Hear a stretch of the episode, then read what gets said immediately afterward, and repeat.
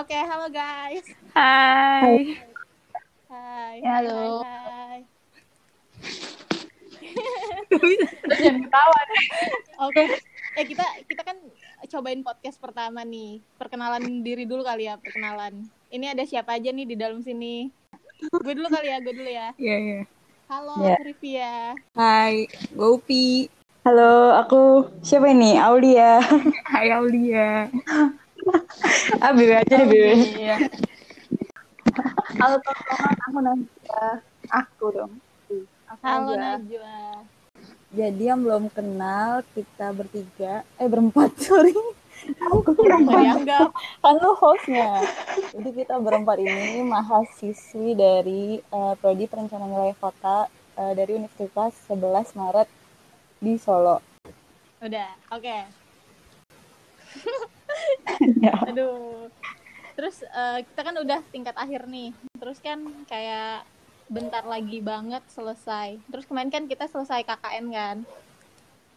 Terus Mm-mm. KKN itu kan ngehambat tugas akhir nih.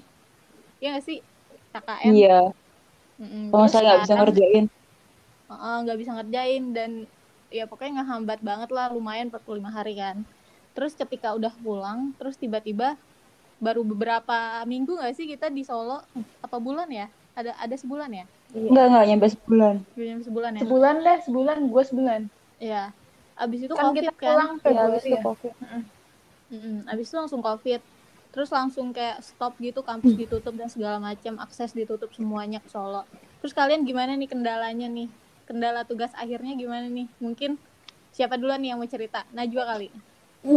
kenapa jadi gue kendala ya kalau kendalanya kan karena emang gue gimana ya gue orangnya gue pas KKN itu kan sebenarnya orang-orang bisa nyicil ya nyicil cari data dan lain-lain. Karena kan kita angkatan kita emang udah eh, masanya cari data pas KKN Mm-mm. tapi memang hanya beberapa orang yang rajin aja tuh yang eh, cari data di situ. Dan gue kan termasuk bukan anak-anak rajin. Jadi eh, sampai akhir KKN gue nggak dapet data sama sekali berharap setelah dapat eh, setelah selesai KKN bisa cari data.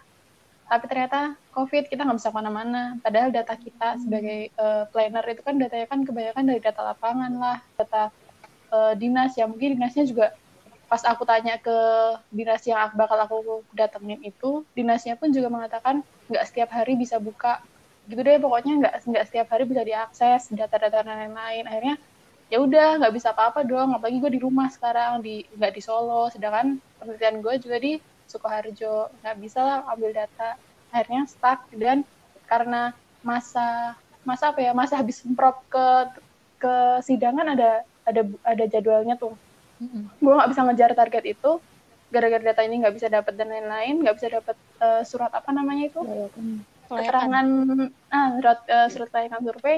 Akhirnya gue harus mengulang eh, geser-geser judul biar eh, penelitiannya berbeda dari semprot yang sebelumnya. Jadi ini gue masih tahap dan nangis sih kayak gue harus mengulang itu gitu. Mengulang ya, hal yang udah dilakukan sebelumnya karena data sama sekali nggak bisa dapat jadi gue berharap banget nggak tahu sih ini new normal bakal gimana tapi gue sebagai mahasiswa akhir sangat menginginkan bisa keluar dengan cepat bisa ambil data bisa nyelesain tugas ini dengan selesai dengan rampung secepat-cepatnya karena Amin. Amin. ya, ya, ya, intinya itu sih eh, covid ini udah eh, ngehambat gue buat dapetin data-data itu dan gue harus mengulang lagi dari aku sedih Terus- tapi ya udahlah Kalau yang dari lain cerita juga kalau dari dosen tuh kayak ada solusi nggak sih? Kayak ini kan udah di luar kuasa lo nih, maksudnya bukan kesalahan lo nih nggak bisa nyari data gitu kan?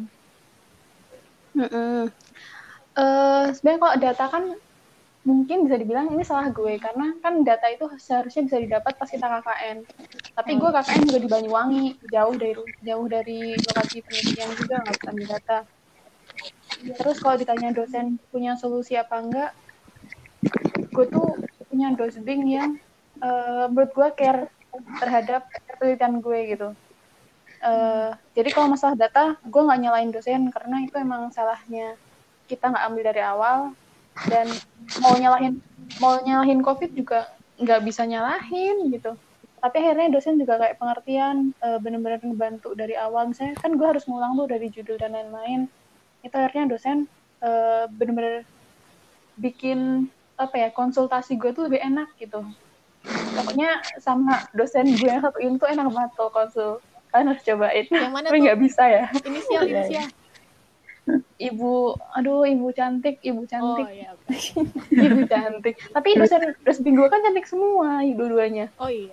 Jadi yang mana? Tahu lah gue. ibu yang berada di Semarang deh Hmm. yang paling cantik terima ya. kasih ibu Oke, berarti kendalanya gitu ya, Wak. Karena COVID nggak bisa cari data, akhirnya harus geser judul gitu ya. ya kalau gue sendiri itu Eh, siapa lagi nih yang mau cerita? Upi apa BW nih? BW kali dulu ya? dulu lah Upi dulu kali ya. Kayaknya Jadi BW aman gitu. Dewe kan beda sendiri. Eh, Masalahnya gue sama Najwa tuh sama. Anjir. oh iya benar Oh, BW dulu kali BW. Oke, BW. Ya udah. Kalau aku sebenarnya sih kak udah ambil data dari apa ya sebelum KKN udah nyicil data kan. Nah tapi emang belum selesai habis KKN lanjutin lagi. Terus baru konsul selesai. Hah? Ini yang Gimana? kresek siapa ya? Berisik ya, tolong ya. Nih. Halo halo. Oke, Aku juga diem nih. Lanjut nih. Iya. Tadi sampai mana? oh, iya sampai selesai KKN. Nah, itu kan lanjut ambil data lagi. Nah, habis itu baru konsul, baru mau konsul sekali setelah survei. Nah, itu baru besoknya langsung COVID. Jadi belum selesai itu sebenarnya apa surveiku. Nah, tapi berjalannya waktu, dosenku, dosen pembimbing itu ngebolehin buat aku sidang antara dengan kekurangan data yang aku punya ini. Ya udah sidang antara. Nah tapi pengujiku tuh nggak ngebolehin. Kalau semisal aku nggak ngelakuin ini si kuesioner ke masyarakat ini ya udah akhirnya ya udah sama aja. Aku juga stuck di sini.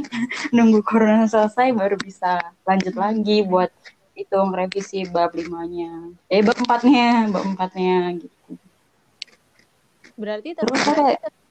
kendala di data juga ya? Mm-mm.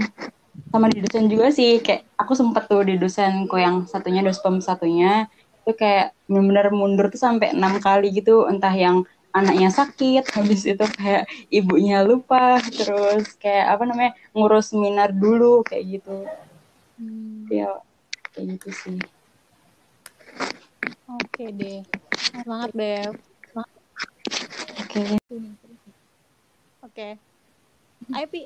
Ya, kalau gue 100 per, nggak sampai 100 persen sih hampir sama kayak Najwa blok eh, tapi bedanya adalah eh, di sini sebenarnya kalau alasannya kenapa nggak ngambil data yang pertama adalah sama nggak dapat juga kelayakan terus juga kayak kalau misal eh, nggak nggak sama kayak Najwa karena gue juga eh, mikir ah paling abis KKN gitu loh bisa dikejar. Jadi kayak prediksi gue bisalah ngebut eh, setelah KKN dan tanpa memikirkan adanya variabel lain dan ternyata si pandemi ini datang gitu loh. Udah jadi rencana gue abis KKN bisa ngejar cepet eh, sebelum Juni. Asik banget ya, gaya banget gitu. Bisa dap nyari data cepet terus eh, ngebut ngerjain bab 4 ternyata nggak bisa. Ya udah karena pandemi ini kemarin sih eh, kalau dari dosen bimbing sendiri gimana ya kata-kata Bu Erma sih yang bisa eh, apa ya bikin Hey, sensor. Hei.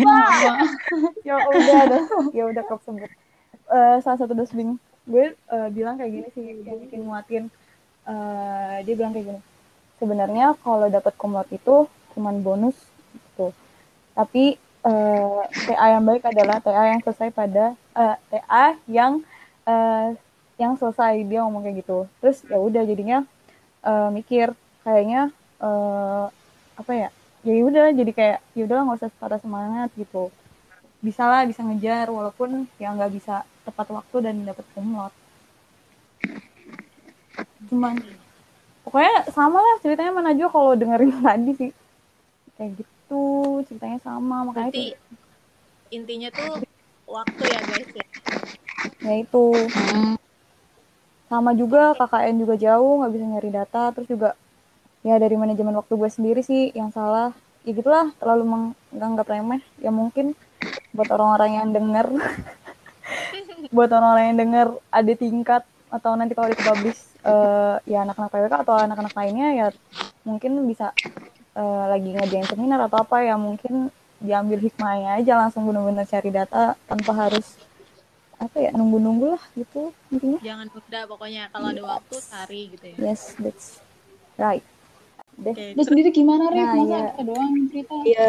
apa nih gue nih? lah Ya udah, kendala sama lu. pertanyaannya. Eh, lu berkendala kali Sama ya? ya? Oke. Kalau kalau gue sih kendalanya lebih ke dosbing gue sih yang ganteng. Karena itu bener-bener susah banget dihubungin. Jadi kayak mungkin ke gue doang kali ya. Karena gue terlalu banyak ngechat kali ya. Jadi kayak chat gue tuh di skip mulu. Bener-bener kayak gue sampai nanya ke adik tingkat yang sama dosbing. Kayak chat lu dibalas gak sih gitu. Terus dia tuh dibales tapi nggak sampai seminggu kayak gue. Gue tuh kayak udah seminggu nggak dibales. Terus eh ya masalahnya di penguji sih emang di penguji kayak masih ada eh teori yang harus dirombak di bab 2 Penguji lu pembimbing gue gak sih? iya. Yo pembimbing gue yang Ibu Najwa. Ibu cantik. Eh, gitu sih. Jadi sampai sekarang masih memperbaiki. Gitu. Ya, berarti emang semua ada kendalanya sih ya. dan ini gak sih kayak susah sus rada susah gak sih daring gini kayak enaknya kan ngomong langsung ya bawa bawa paper Bener. coret-coret bener gitu. banget bener banget Iya banget. bener banget Tapi gue nggak terlalu nggak terlalu merasakan itu sih karena kalau gue pribadi kan pembimbing gue kalian nggak merasakan pembimbing gue ya.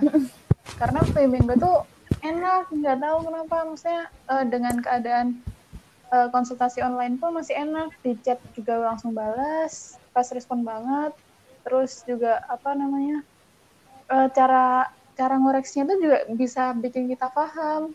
Jadi kita ngirim draft ke beliau. Terus beliau baca semalam. Besoknya udah di udah dicoret-coret tuh draft kita di word. Dicoret-coret pakai Besoknya. pakai apa? Pakai komen notes tuh loh. Mhm.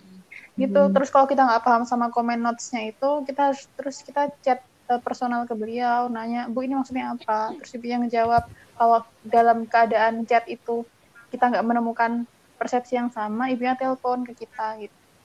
Jadi eh, kalau bagi gue sendiri mungkin nggak terlalu eh, bermasalah konsultasi online ini gitu. Nggak tahu ya kan tergantung tergantung komunikasi antara kita antara kita sebagai mahasiswa dan sebagai dan dosennya sih kamu gue betul. Bener.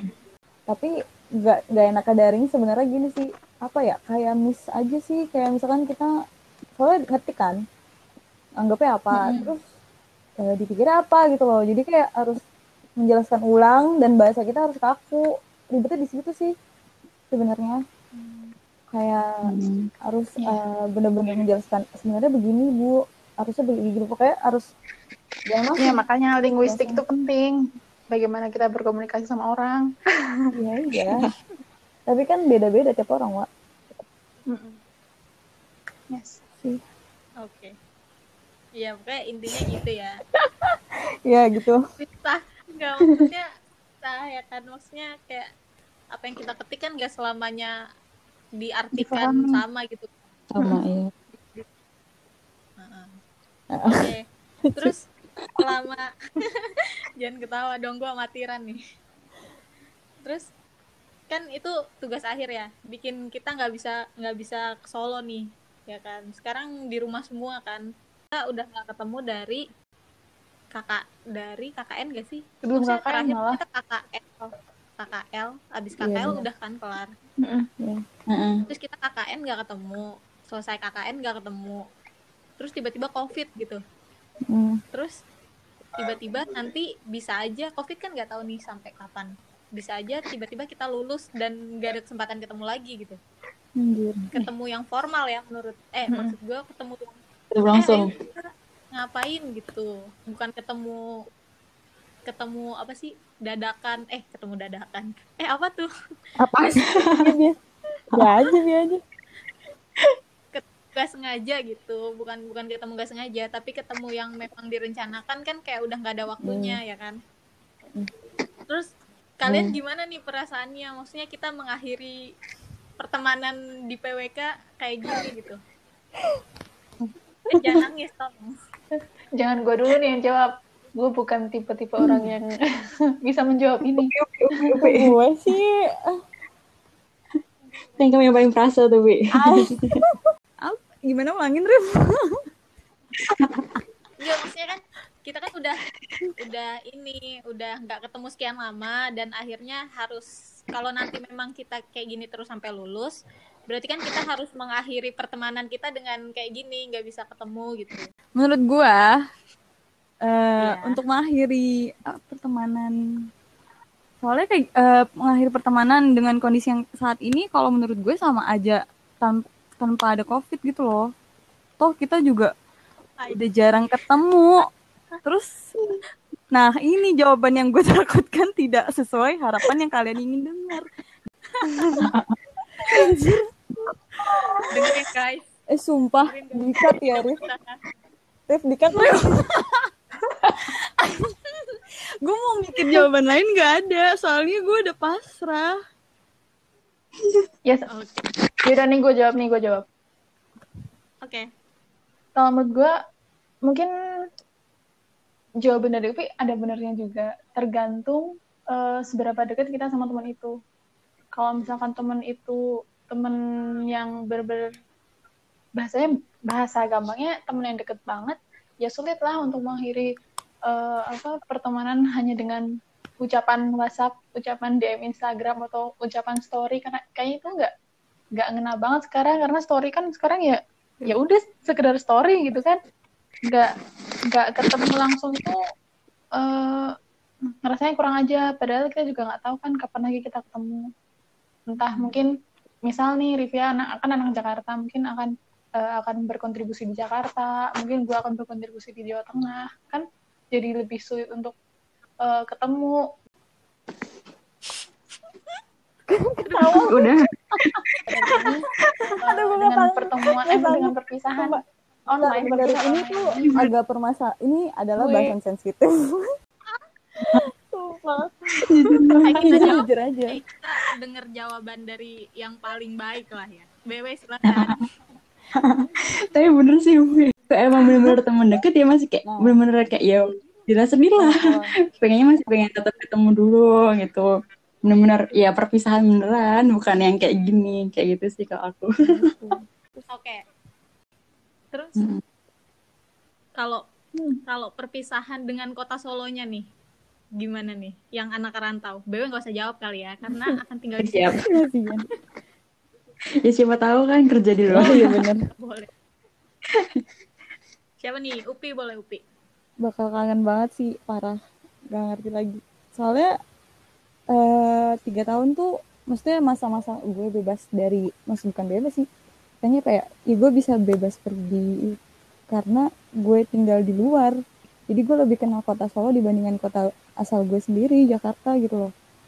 Dan berkesannya banyak banget kalau dibandingin sama kota asal gue sendiri. Kayak bener sih Jakarta tuh adalah eh, ibu tiri dibandingin sama Solo. Kalau misalkan ini balik liburan ya maksudnya contohnya sih balik liburan gue kadang gue sendiri suka kaget sama kondisi Jakarta dibandingkan kota Solo sendiri. Yang bikin kangen adalah eh apa ya kotanya itu tuh pertama murah ya jangan dibandingin sih sama Jakarta. Tapi kondisi itu yang bikin kangen terus juga nggak macet. Ya macet sih beberapa titik tapi nggak separah Jakarta dan itu yang bikin gue sayangnya apa ya nyaman gitu loh. Nggak stres kadang balik liburan eh nggak sih contohnya magang. Magang kan sebulan lumayan ya dan gue eh, magang di daerah Jaksel tolong. Ya maksudnya semua daerah titik Jakarta kan bakal macet tapi daerah-daerah sana tuh macet parah dan pulang pulang pun pulang kerja itu jam 5 nyampe rumah tuh jam jam 8 gila gak sih? Itu udah bikin gue capek sendiri. Gue aja sampai mikir gue bakal kuat gak ya kerja di Jakarta? Gitu. Saking pikir gila sudah separah ini gitu loh padatnya. Nah itu yang bakal makanya yang, yang bakal bikin gue kangen ya karena kenyamanannya sih. Bener sih emang Solo tuh kota paling nyaman kalau menurut gue menurut em kata kalau kata apa ya indikator lah itulah pokoknya.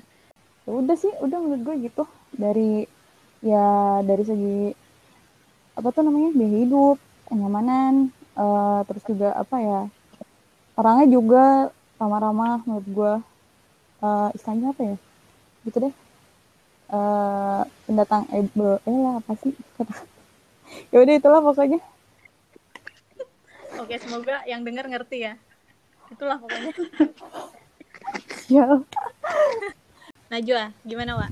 Sebagai anak yang juga Jawa Tengah nih, Dulu dong Rif yang yang Kalau ini, gua- yang jawab. kurang lebih sama sih kayak Upi. Soalnya kan sama-sama di, sama-sama tinggal di Jakarta ya, sama-sama tinggal di kota yang padat dan sama-sama anak rumahan yang dikekang habis maghrib harus di rumah gitu kan. Jadi kayak tinggal di Solo tuh bener-bener pendewasaan diri gak sih? ya Kayak betul betul Lu ngapa-ngapain aja sendiri gitu kayak benar Iya, itu bener-bener apa ya?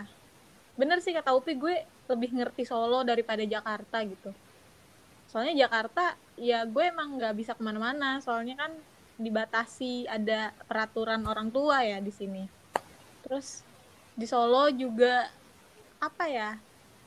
Mengenal diri sendiri banget gak sih? Soalnya lu tuh cuman punya lu di sana. Cuman punya diri lu sendiri gitu. Di samping di samping ada teman gitu ya, tapi kan Hmm. faktanya di lapangan gitu temen kan nggak selalu ada ada di samping lu gitu ya di situ kayak lu jadi tahu diri lu sendiri soalnya lu cuman punya diri lu gitu kayak kayak keren aja sih ada di Solo. Dan kayaknya Solo bakal jadi tetap bakal jadi rumah deh. Yes. Kayak Solo tuh akan akan Iya, jadi benar, rumah benar, gitu Solo. Gue aja kepikiran eh, apa ya hidup tua gue apa sih namanya istilahnya? Rumah tua ya? Satua masa masa tua. Gue pengen dihabisin di Solo bilang. Saking udah nyamannya Sampai segitunya ya gila Solo. Lu harus tahu orang-orang Solo betapa orang-orang luar Solo mencintai ya, Solo dari orang Solo orang Solo gimana ya. ya eh kan ada BW Iqbal nih. parah halo Iqbal Oh iya, oh iya, kalau dengar gue lupa. Bebe kayak bukan Iya, Bu. kayak bukan orang Solo. Oke lanjut. Kalau kalau dari gue, eh kalau nanya alasannya suka sama kota Solo apa, gue nggak tahu, gue nggak tahu mau jawab apa. Karena benar-benar suka aja gitu. Gue pertama kali mau, mau masuk kuliah itu target gue tuh adalah Jogja.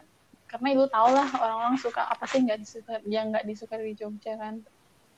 Eh, terus akhirnya dapet Solo, ternyata eh, Solo juga nyaman gitu Nyam- nyaman-nyaman banget ketika orang lain me- mengidolakan Jogja kayaknya Solo Betul. juga sama deh perlu di, perlu diidolakan banyak orang karena sumpah deh nggak eh, nggak cuma Jogja yang memberikan nyaman ketika orang-orang bilang Jogja Jogja Jogja, Jogja mulu gue mikir gue pengen deh ngasih tahu orang-orang kalau Solo tuh juga se senyaman itu dan se apa ya bener-bener memberi, memberikan kenangan yang Waduh. berlebih ya padahal kan gue juga gue kalau di gue emang rumah di Jawa Tengah di Temanggung. Tapi beda beda aja gitu. Di Temanggung juga biasa gue nggak semengenal kota Solo.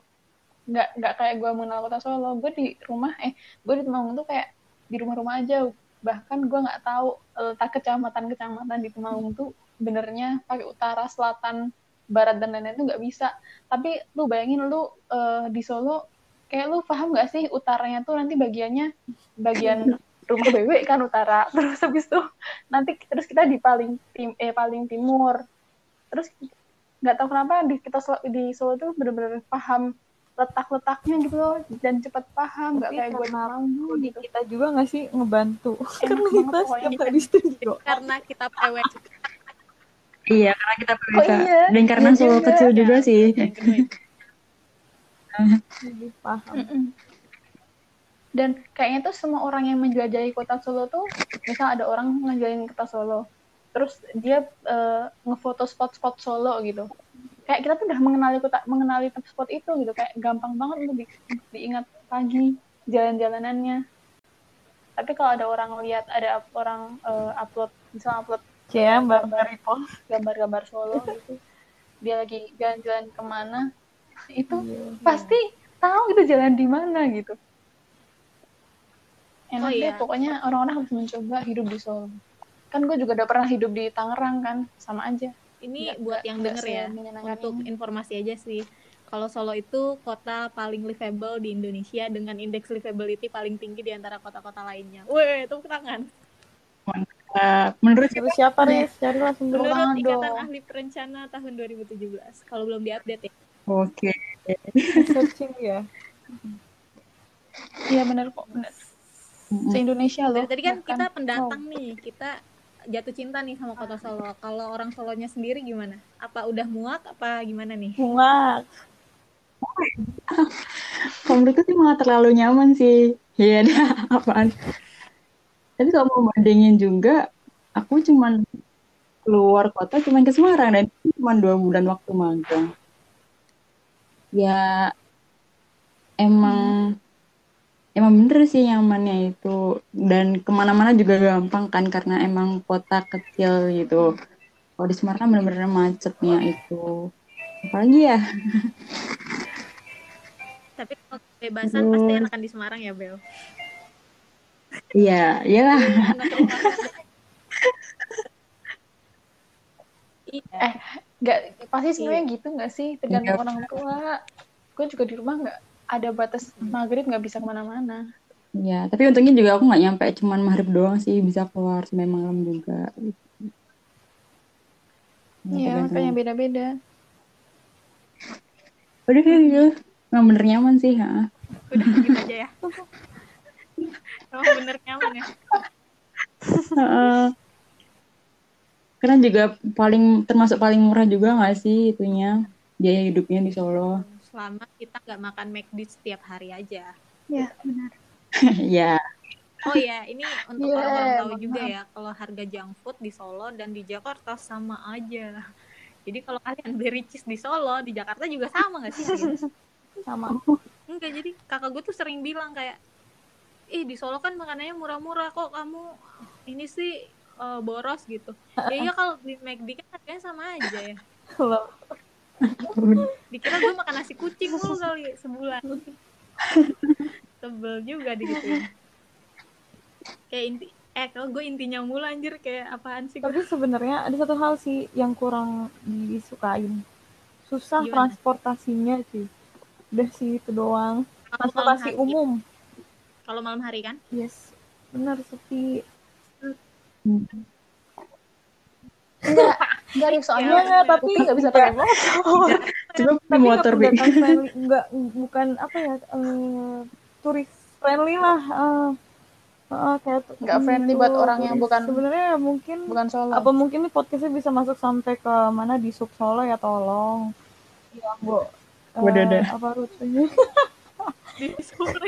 Aduh Di sub dengerin podcast gue gimana? tahu karyawannya kan denger. Oh iya nih ah, udah banyak yang pengen gitu loh transportasi umumnya tuh diperbanyak. Ya setidaknya untuk orang-orang yang nggak punya apa sih namanya kendaraan pribadi contoh saya yang nggak bisa naik motor gitu loh. Nggak nggak susah gitu nyari nyari kayak buat eh, akses ke apa ya pusat-pusat kayak pusat per- perbelanjaan lah kayak ke mana walaupun ada BT, BTS ya. BST malu gue anjir. Walaupun jangan dipotong Rif walaupun ada BST tapi kayak apa ya kurang gitu loh feedernya. Nah BST Iya, tuh nggak benar, cuma di semuanya doang. gitu Dan loh kayak Cuma di- jalan-jalan tertentu. udah habis nggak sih? iya mau nggak mau harus naik grab grab kan lumayan Tapi ya itu problematik juga sih buat Pemda Solo. Soalnya Pemda Kot. pemkot dia sama aja sih kan daerah kota Solo. Iya bener. pemdakot adil adil kan Ya, tolong dong malu nih gue jadi SPWK nih. ya udah sih santai aja Iya, jadi maksudnya eh, sebagian nggak kayak sebagian besar tuh orang-orangnya emang sukanya tuh naik kendaraan pribadi gitu. Jadi ya dia mau ada angkot juga, ya angkotnya nggak penuh. Ya tapi mungkin ya mungkin mungkin kalau misalkan ada transportasi umum yang nyaman, cuma ini sangat-sangat susah di sangat-sangat susah untuk diimplementasikan sih. Itu kayaknya orang-orang juga bakal bisa milih untuk transportasi umum. Eh tapi nggak deh kalau ada covid nggak Eh, bentar deh. ada Aku mau, kayak pribadi semua. mau bahas. Dari tadi kan kita ngomongin dukanya nih, duka-duka dari COVID nih. Sebenarnya ada nggak sih sukanya? suka. Oh, Ada, ada. emang ada, ada. Apa nih? Apa nih, Bel? Kalau punya pacar ada aja sukanya. Hmm. Iya apaan? Apa, Bel? Yang ada apa yo Bel? eh nggak Eh, juga. Ini terkait mahasiswa akhir kan? Hmm. Gimana, Bel? Jadi kan misalnya nih, kan kalau COVID tuh, eh kalau misalnya nggak COVID, nah itu kan kita harus kayak nunggu dosen di kampus lama, terus di PHP gitu. Nah kan kalau misalnya COVID ini kita cuma kayak di kamar tiduran, tinggal nunggu chat doang dari dosen kayak gitu. Terus ada lagi kayak misal mau konsul, nggak usah tuh ngeprint ngeprint draft yang berpuluh-puluhan, terus ngeluarin uang banyak kayak gitu. Terus apa lagi? Apa lagi ya? Itu dulu deh, yang lain lagi. Gimana? Wah,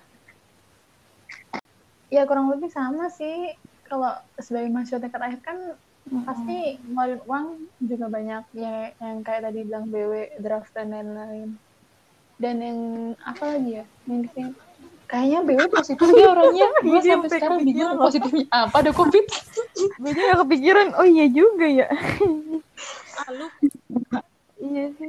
Iya bener, kayak nggak bersyukur banget Ya ya Pi, kita. Tapi beneran aku aku sampai sekarang eh, tidak terlalu banyak menerima sukanya. Mungkin karena gue kurang bersyukur bagaimana gue nggak tahu. Tapi kalau dibanding dukanya emang susah Benar-benar. diceritakan sukanya kayak Benar, nggak benar, kelihatan gitu. karena terlalu banyak dukanya ya daripada suka. Kalau Mm, bener. betul, Kecuali BW, BW mah orangnya positif. Beda Nggak ada sama kita mah. gitu. Eh, ah, maaf mah. Ya, Ya Allah. Pi, tuin malaikat Pi nyatutin amal BW. udah dicatat, Bel kan sekretaris. Oh iya.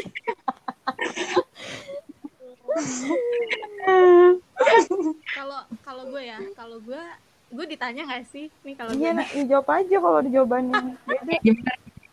kalau gue Ya udah jawab aja kali. eh, dimudahkan pas sidang gak sih? Jadi lu kayak gak harus nyiapin snack. Anjir, matre banget.